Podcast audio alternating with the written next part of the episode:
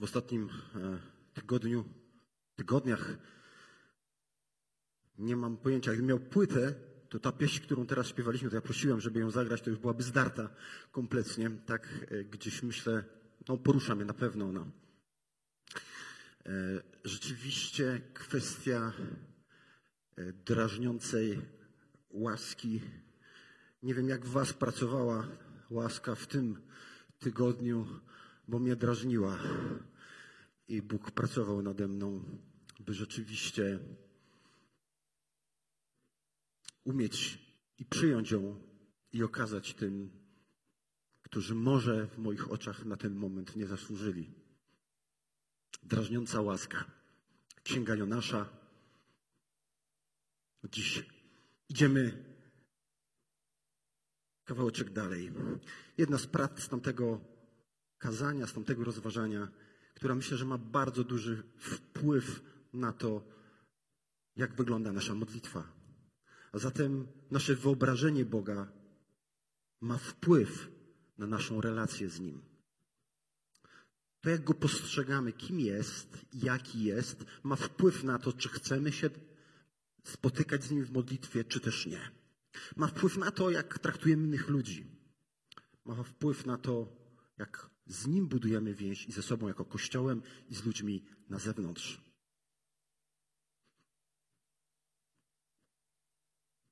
Księga Jonasza,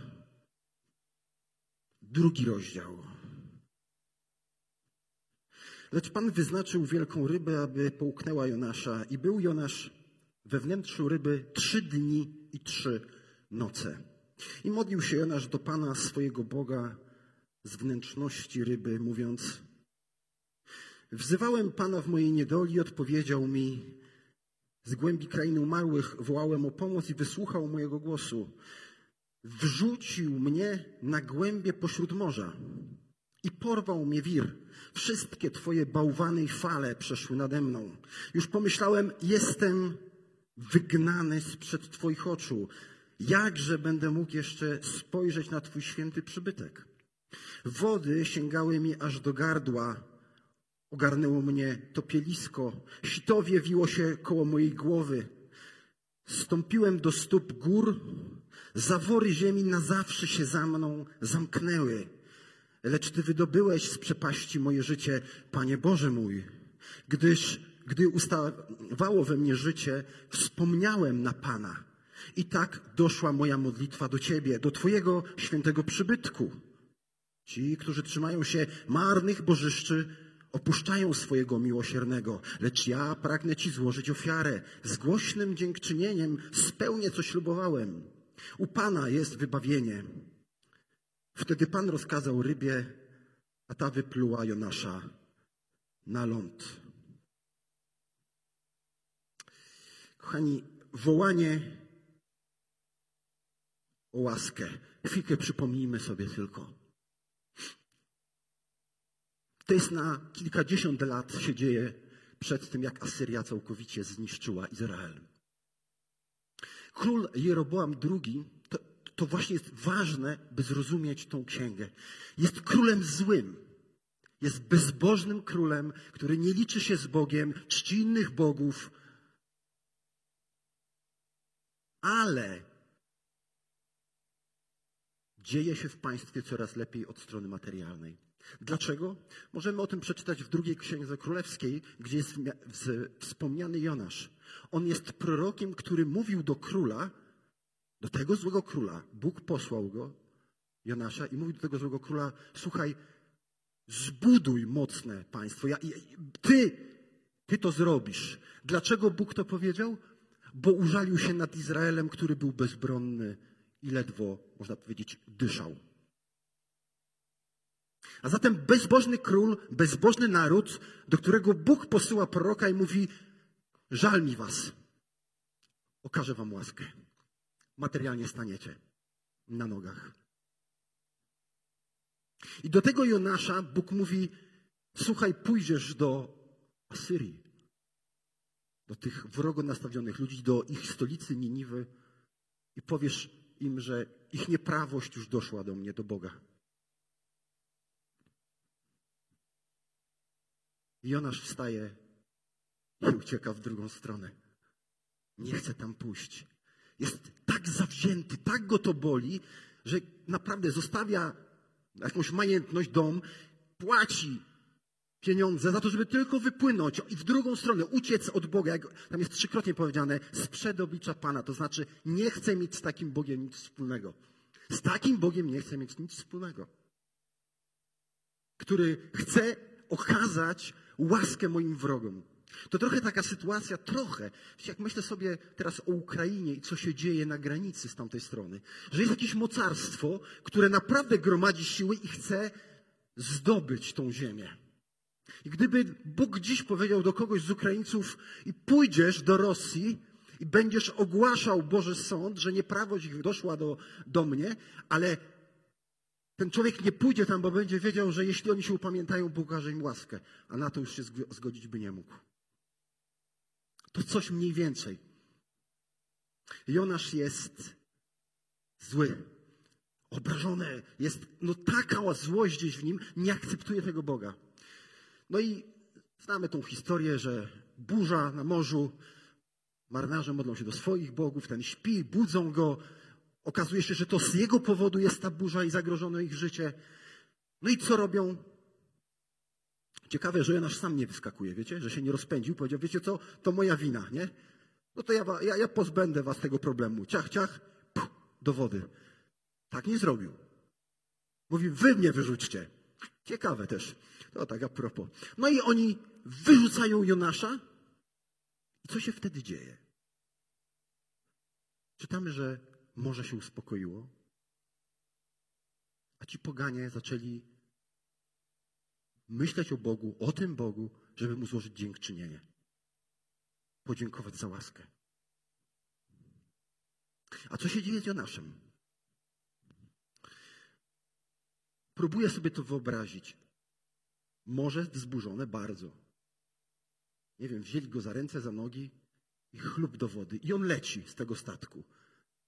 Wpada w tą wodę. I co się dzieje? Może się dławi.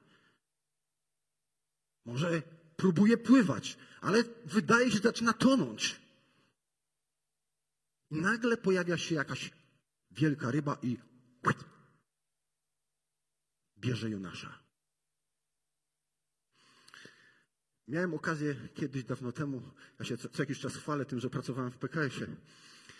I jeździli do pracy i z pracy ludzie, którzy pracowali w takiej przetwórni rybnej. Wiecie, ja zawsze wiedziałem, że oni jadą. Wiecie dlaczego? Oni się mogli szerować po tej robocie, robić ze sobą co chcieli. Po prostu wchodziło się do autobusu i już było wiadomo. Są. Super zapachy miał Jonasz.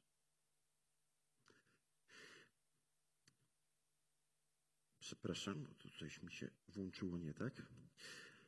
Więc zapach to jedno. Po, po, po drugie, ta ryba jak go połknęła, jak myślicie, w jakiej on był pozycji? Jak tak wyobrazimy takiego na przykład jakiegoś wielkiego walenia, nie? Albo wieloryba i myślimy, no tak, on ma tyle w środku miejsca, że Jonasz wstał, se chodził po tym, nie? Tak nieraz w bajkach jest, on tam se chodzi i rozmyśla z Panem Bogiem. Ja myślę, że on był, jak tam wleciał, to tak leżał. Jejku, ja nienawidzę leżeć tak bez ruchu, nie? Ja zaraz, jak mi się noga cierpnie, to już w ogóle jest dziwnie. A ile on tam leżał? Trzy dni.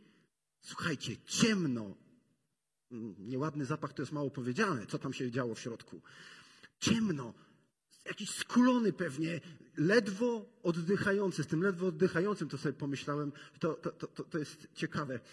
Ale to chwilę później z tą, z tą kwestią. Więc Jonasz znajduje się w rybie. Dlaczego się tam znajduje? Ponieważ Bóg wysłał to morskie stworzenie, żeby połknęło Jonasza. No ale nie po to, żeby go strawiło jak rekin, tylko Jonasz tam miał przebywać trzy dni. I teraz będzie pod górkę. Zobaczymy, jak nam pójdzie. Czytamy, że Jonasz mówi takie słowa. Tekst mówi, Jonasz zaczął się modlić. I teraz co on mówi?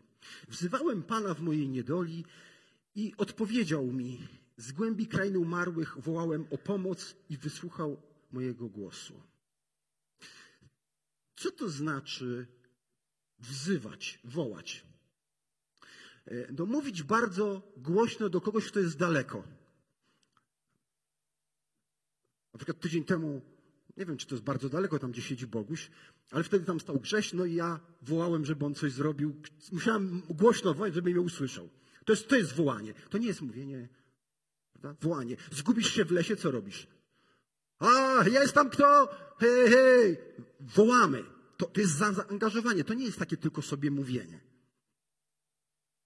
W tym tygodniu usłyszałem też kilka historii e, na grupie e, o tym, jak to ktoś przed kimś uciekał, nie? I nawet usłyszałem bardzo ciekawą historię, jak trzech gości goniło jednego, go dopadli.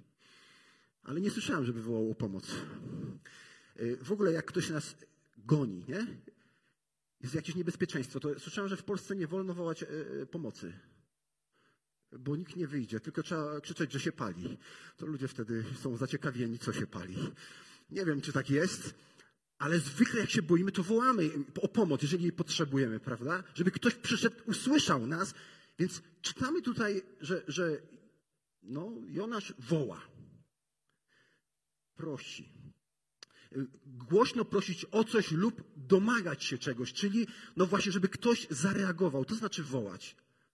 Żeby ktoś zareagował. A pamiętamy, jak do tej pory, do tej chwili E, wołał Jonasz do Boga? Co robił Jonasz? Jonasz się odwrócił plecami do Boga i nie miał zamiaru do niego wołać. Był tak zły i nie akceptował Boga, że się nie modlił. Nie chciał w ogóle o nic go prosić. Wyrzućcie mnie, proszę bardzo. To ciekawe, jak pod wodą mógł głośno wołać Jonasz. Jak myślicie? Ktoś was próbował pod wodą wołać? Maciek jest specjalista, bo gra w takie w, różne zawody po, pod wodą. Maćku, czy da się wołać pod wodą i ktoś cię usłyszy? Nie da się. A on wołał podobno. Wołał. A może w rybie, jak tam leżał, no to jakiś tlen miał, bo czymś oddychać, to mógł bardziej wołać. Od razu przypomniała mi się, ta, ta, ta sytuacja mi przypomina, E, chodzenie na strecznik, wiecie? Nieraz tam pani, która prowadzi, tak mówi, tak pan, proszę ułożyć nogę, tak rękę, tak coś i nagle człowiek jest tak poskręcany, że oddychać ledwie nie może i wtedy pada hasło, ale oddychamy. A my nie mamy jak prawie oddychać, bo tak poskręcani, bo i tak ma być, nie? I teraz myślę, jak on taki poskręcany gdzieś tam leżał, jak on mógł wołać? No nie wiem, jak on mógł wołać. Chyba, że to byłoby taki wewnętrzny, wewnętrzne wołanie raczej niż tak bardzo na głos. Ale chciałbym wrócić do tego sformułowania i żebyśmy się teraz przyjrzeli. Jedna jeszcze e, rzecz wstępna. Ta modlitwa jest poezją. A co jest najważniejsze w poezji? Co jest najważniejsze w piosenkach? No treść jest ważna, okej, okay, zgoda. Ale sama treść to jest za mało, jeżeli chodzi o poezję. Co robi poezja? Wyobraźnia porusza emocje. Poezja jest po to, by wyrazić emocje, pewną prawdę z emocjami. E, kiedyś w kabarecie jednym przedstawiali, jak emocje wpływają na zrozumienie tekstu. Na przykład mąż może powiedzieć do żony: Kocham cię. No ale może też powiedzieć: Kocham cię.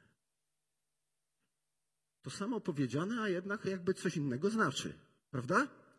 Więc moje pytanie na dzień dobry, jak myślicie,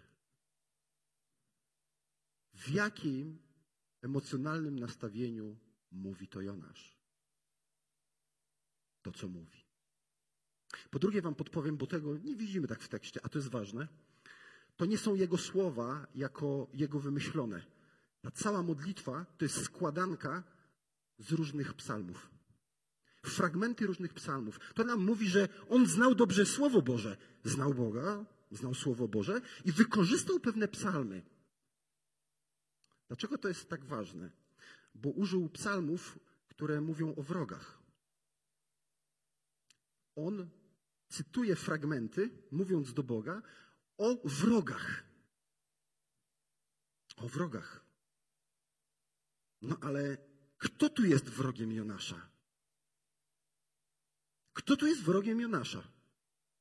No to czytajmy, bo może, może nie zauważyliśmy tego. Wrzucił mnie na, głębo, na głębie pośród morza. A któż to to zrobił? Kto tu jest wrogiem Jonasza? Marynarze? Uściśli marynarze mnie wyrzucili? Jonasz mówi, Ty Boże, Ty Boże sprawiłeś, że ja tu jestem. To Ty mnie na głębie wyrzuciłeś i porwał mnie wir. Wszystkie Twoje bałwany i fale przeszły nade mną. Kto tu jest wrogiem i zagrożeniem Jonasza? Jaki Jonasz postrzega doświadczenie? Jak my nieraz patrzymy na doświadczenie, jak patrzymy na Boga, na to, co się dzieje w naszym życiu i mówimy, oho, Boże, jak mogłeś, to Ty. To wtedy już nie jest taka, o Panie, o Panie, tylko kto tu jest wrogiem? Jonasz dobrze zna te fragmenty i dobrze je cytuje. Mówi, już pomyślałem, jestem wygnany sprzed Twoich oczu. Kto go wygnał? Kto mu kazał uciekać? Czy Bóg powiedział, idź precz? To Jonasz się odwrócił i zaczął uciekać, bo mu nie pasował ten obraz Boga. Jonasz leży w tej rybie i mówi do Boga, no to ty spowodowałeś te nieszczęścia. Tu, gdzie jestem, to, to, to ty spowodowałeś. Jestem wygnany. Już nie będę mógł spojrzeć na twój święty przybytek. Opisuje swój stan, jak on się czuje w tym, że praktycznie zamarło w nim życie. Stąpiłem do stóp ziemi. No, jestem po prostu w ciężkim stanie, bez wyjścia, bez nadziei. Nic, zero światła. Zero jakiegoś ratunku. Czy Jonasz wiedział, że wyjdzie z tej ryby? Kiedy to mówił? Nie. Nie wiedział tego. Nie wiedział, jak to się skończy. I mówi do Boga. Najpierw nie chce mieć nic wspólnego z tym łaskawym Bogiem, ale wobec tego Boga coś mówi. Bóg, ze względu na jego nieposłuszeństwo, mógłby go ukarać. Prawda? Mógłby zrobić coś Jonaszowi. A co robi Bóg? Posyła rybę, która chroni Jonasza przed śmiercią. To nie jest najwygodniejsze miejsce, to nie jest najwygodniejsza pozycja, to nie jest naj, miejsce, w którym chciałby być Jonasz, ale ta ryba ratuje mu życie. A zatem pytanie, to kara czy łaska? Czy ta ryba, która połknęła Jonasza, dla niego jest karą, czy wyrazem łaski ze strony Boga?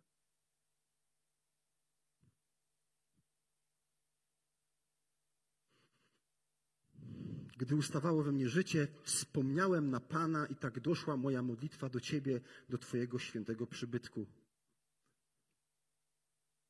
Kiedy uchodziło z niego życie? Kiedy uchodziło z niego życie? Jak był w tej wodzie gdzieś tam? Czy to ma na myśli, cytując kogoś, kto się modlił tym psalmem? Kto wyraził to? A może Jonasz oczekuje, że Bóg właśnie za, za, zareaguje wobec niego tak, jak zareagował do tych ludzi, którzy wołali, bo byli w zagrożeniu życia od wrogów, którzy chcieli ich zabić, zniszczyć. I on cytuje to mówiąc, no to mnie uratuj. Właściwie. A czy zauważyliśmy w tym psalmie, tej modlitwie, tych psalmach, żeby Jonasz przeprosił Boga i przyznał się w którymś miejscu i powiedział: Przepraszam, zgrzeszyłem? Nie znajdziemy tego. A czy znajdziemy, Panie, dobrze, to ja już pójdę do tej Niniwy, bo Ty tego chcesz? Nie widzimy tego. Co Jonasz w tej modlitwie, w tym stanie myśli o Bogu? Który ciągle mu okazuje łaskę, chociaż Jonasz się od niego odwraca.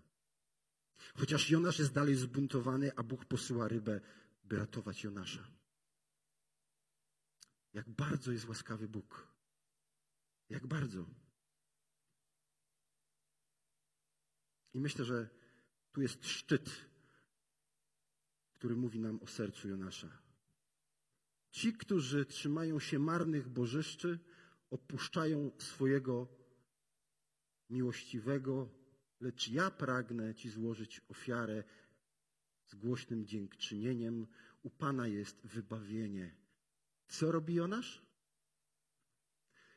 Jakie on ma myślenie o Bogu? Jakie my miewamy myślenie o Bogu?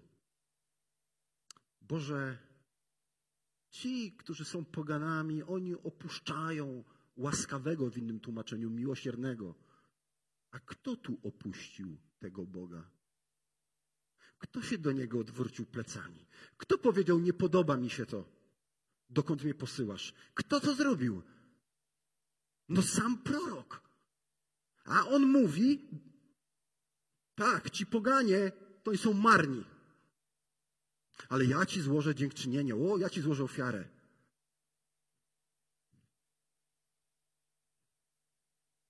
Nic tu nie ma, że pójdzie do Niniwy. Czy czasami Jonasz nie robi coś takiego, jak czasami my robimy w modlitwach? Boże, obiecuję. Zmień okoliczności, a ja obiecuję, że już będę inny. Że ja może przyniosę porządne pieniądze i będę łożył na kościół. Boże, tylko zmień okoliczności. Zmień, a ja ci wtedy okażę wdzięczność. Czy Jonasz czasami nie chce przehandlować coś z Bogiem, bo znów ma wyobrażenie Boga jakieś dziwne, że Bóg pójdzie na to. Czy modlitwa Jonasza przypomina nam kogoś z Nowego Testamentu modlitwę? No, Pan Jezus kiedyś widząc ludzi, którzy mieli o sobie dobre, wysokie mniemanie, a innymi pogardzali, powiedział taką, taką przypowieść. Oto dwóch ludzi przyszło się modlić do świątyni. Jeden z nich to był celnik, ktoś, naprawdę margines społeczny kompletnie, ale ten drugi, ten drugi, który tak cudownie żył w swoim życiu, dając dziesięcinę, naprawdę hojnie poszcząc, łożąc na różne rzeczy, a mówi o nim, on modli się do Boga tak. Boże, dziękuję Ci, że nie jestem jak inni ludzie. Boże, dziękuję Ci, że ja nie jestem jak ci inni ludzie. Zdziercy, oszuści, cudzołożnicy. O, jak ten celnik. O, jak ja Ci dziękuję, że taki nie jestem.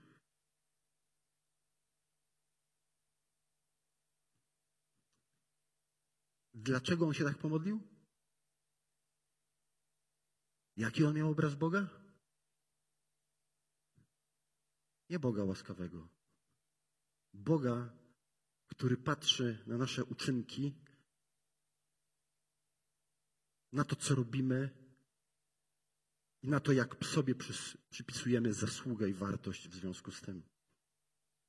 To jest problem Jonasza, to jest problem ludzi religijnych, to może być mój i Twój problem.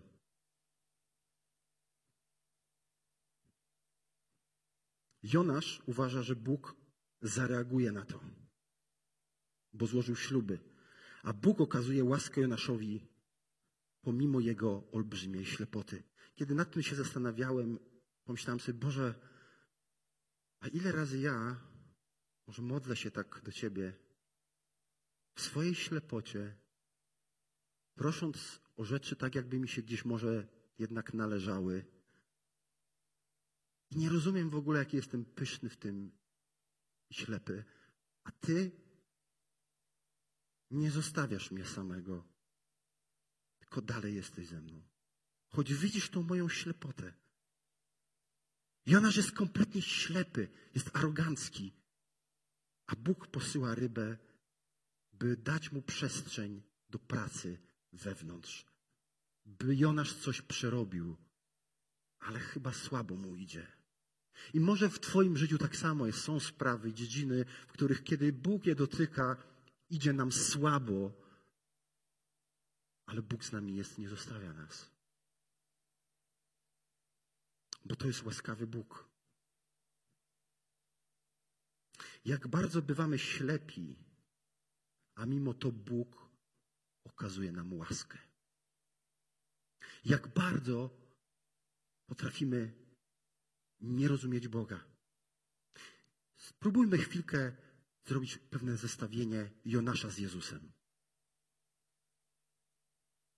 Bóg mówi do Jonasza: idź do tego miasta i po prostu ogłoś sąd. Jonasz ucieka w drugą stronę. Mówi: Z takim Bogiem nie chcę mieć nic wspólnego. Co robi Jezus, będąc w niebie? Będąc w idealnej harmonii z Ojcem i z Duchem, gdzie aniołowie oddają mu cześć, mówi: Zostawiam to, Ojcze. I wiem, że Twoją wolą jest, by pójść na ten świat grzeszny, do tej Niniwy, do tych grzeszników, zbuntowanych ludzi na przestrzeni wieków, którzy są i będą. I ja chcę pójść tam właśnie do nich, by im powiedzieć o Tobie, o Twoim planie, o Twojej łasce, o Twoim miłosierdziu i o, o tym, że właśnie będzie kiedyś sąd, ale teraz jest czas łaski. Jezus zostawia wygodę i idzie. Jonaszowi się nie chce pójść, bo to są jego wrogowie. A do kogo przyszedł Jezus? Do przyjaciół? Powiedział, przyszedłem do grzeszników. Ja nie, nie przyszedłem do sprawiedliwych. Przyszedłem do wrogów. Umarłem za nich. Jezus modli się w ogrodzie i cierpi i mówi, bądź wola Twoja. My nawet ciutkę może coś rozumiemy z tego, ale, ale co przeżywał Jezus, kiedy mówił, oddal ten kielich, ale, nie, ale ostatecznie Twoja wola. Co robi Jonasz? Mówi, nie interesuje mnie Twoja wola. To nie jest, to Ty nie jesteś moim Bogiem. To, to, takiego Boga nie chcę. A syn mówi do ojca, Twoja wola i ja oddam życie. Jonasz nie musiał iść oddać życia.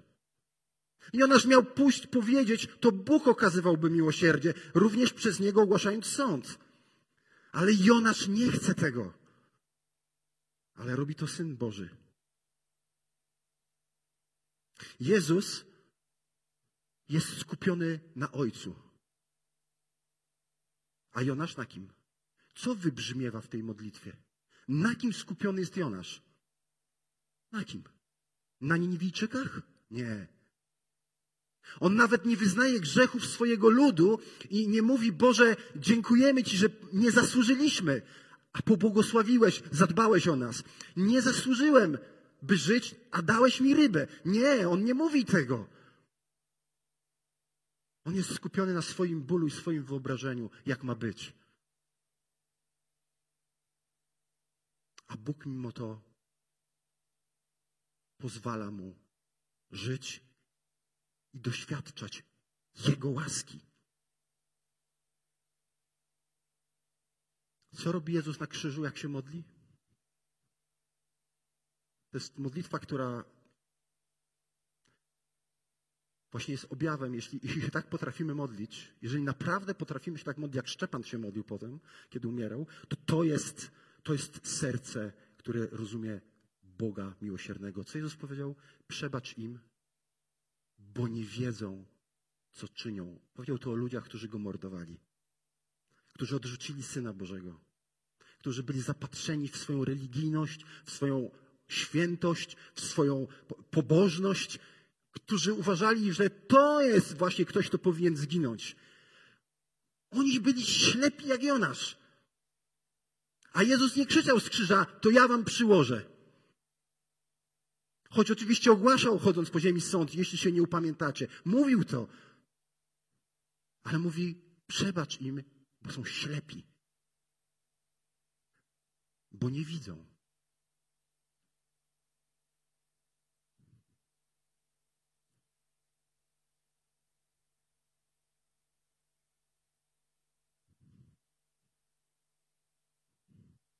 Jonasz nie chce głosić Bożego Sądu, bo wie, że Bóg, kiedy oni się upamiętają, okaże im łaskę.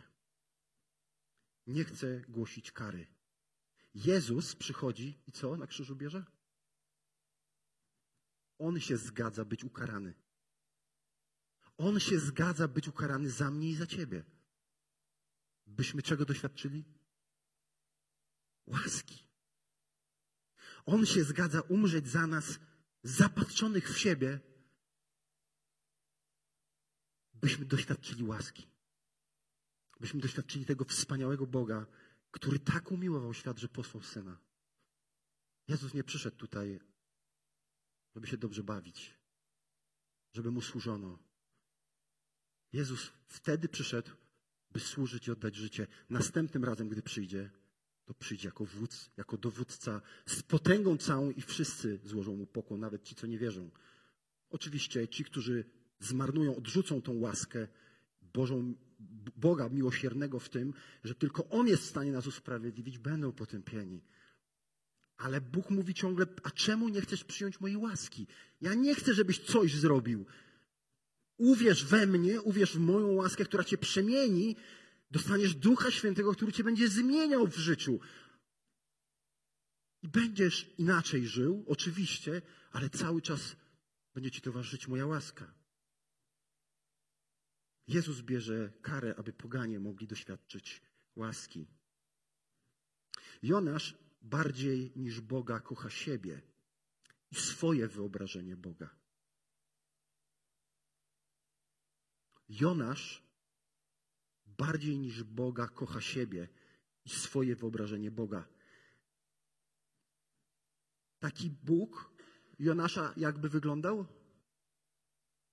Bezwzględny dla moich wrogów. Niszczący wszystkich, którzy są dla mnie zagrożeniem, którzy są wrogo do mnie ustosunkowani. Ale dla mnie ten Bóg musi być łaskawy. Dla mnie łaskawy, ale dla innych, którzy coś do mnie mają albo ja do nich, to to, to jest bezwzględny Bóg. I na tym obrazie właśnie Jonasz próbuje sobie ustawić życie stabilne. Że uważa, że to go uczyni szczęśliwym, stabilnym, pewnym. Zobaczcie, jak nasze wyobrażenie Boga wpływa na nasze życie, naszą pracę, na nasz odpoczynek. Jakiego widzimy Boga? Jak to wpływa na nasze relacje? Jak rozmawiamy ze sobą, kiedy ktoś ma inne zdanie? Jak to wpływa? Czy my jesteśmy ludźmi łaski, czy potrafimy od razu przyłożyć, jak Jonasz by chciał?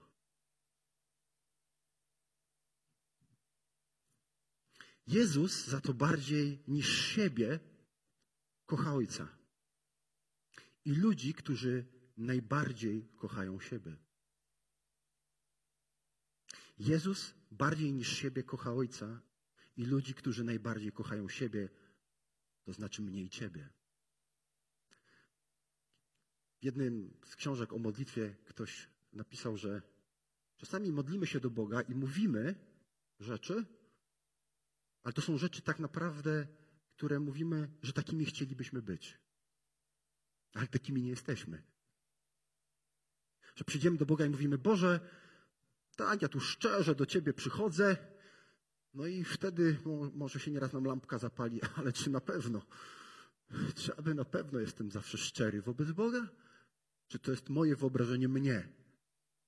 Może się staram bardzo, ale może nie jestem takim, jakim chciałbym być. A może w ogóle chcę być innym. A Jezus bardziej niż siebie kocha Ojca i Ciebie i mnie. Ludzi, którzy wielokrotnie najbardziej kochają siebie. Bóg okazuje łaskę Jonaszowi, ale Jonasz myśli, że na nią zasłużył. A ty?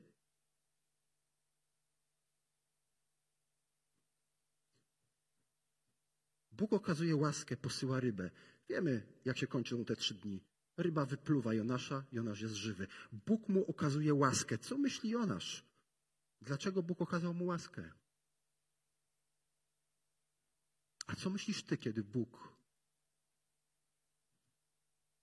odpowiada pozytywnie na Twoją modlitwę? Kiedy prosisz o coś Boga?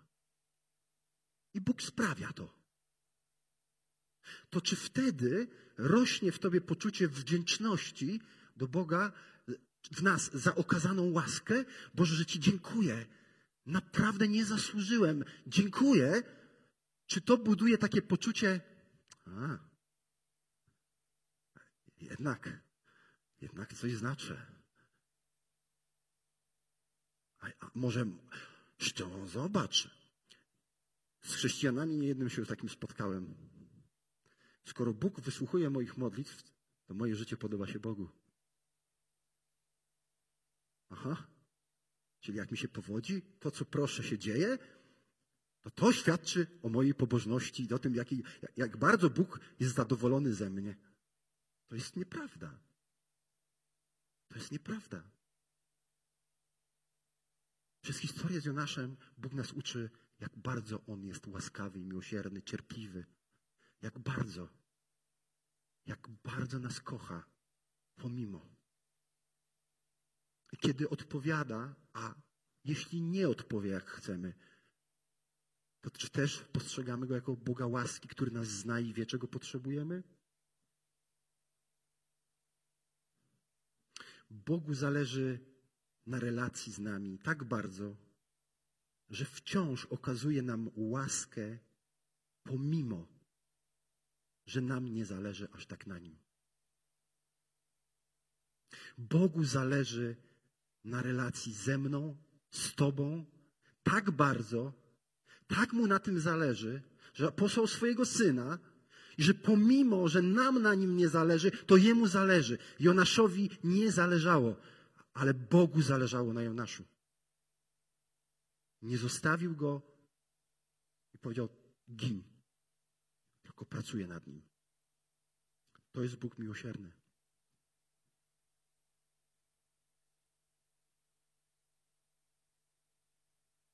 Jak wyglądają nasze modlitwy? Kochani, módlmy się każdego dnia. Każdego dnia. Nawet, powiem Wam, nie, Słowo Boże mówi się do Rzymian, że nawet nie wiemy, jak się modlić dobrze. Naprawdę ten egoizm w nas, te różne rzeczy. Ale Bóg chce, żebyśmy do Niego przychodzili, bo On nam chce okazywać łaskę, przemieniać nas, po to, żebyśmy byli z Nim coraz bliżej, głębiej. Bo o to Mu chodzi. O to Mu chodzi, bo Jemu zależy na nas tak bardzo.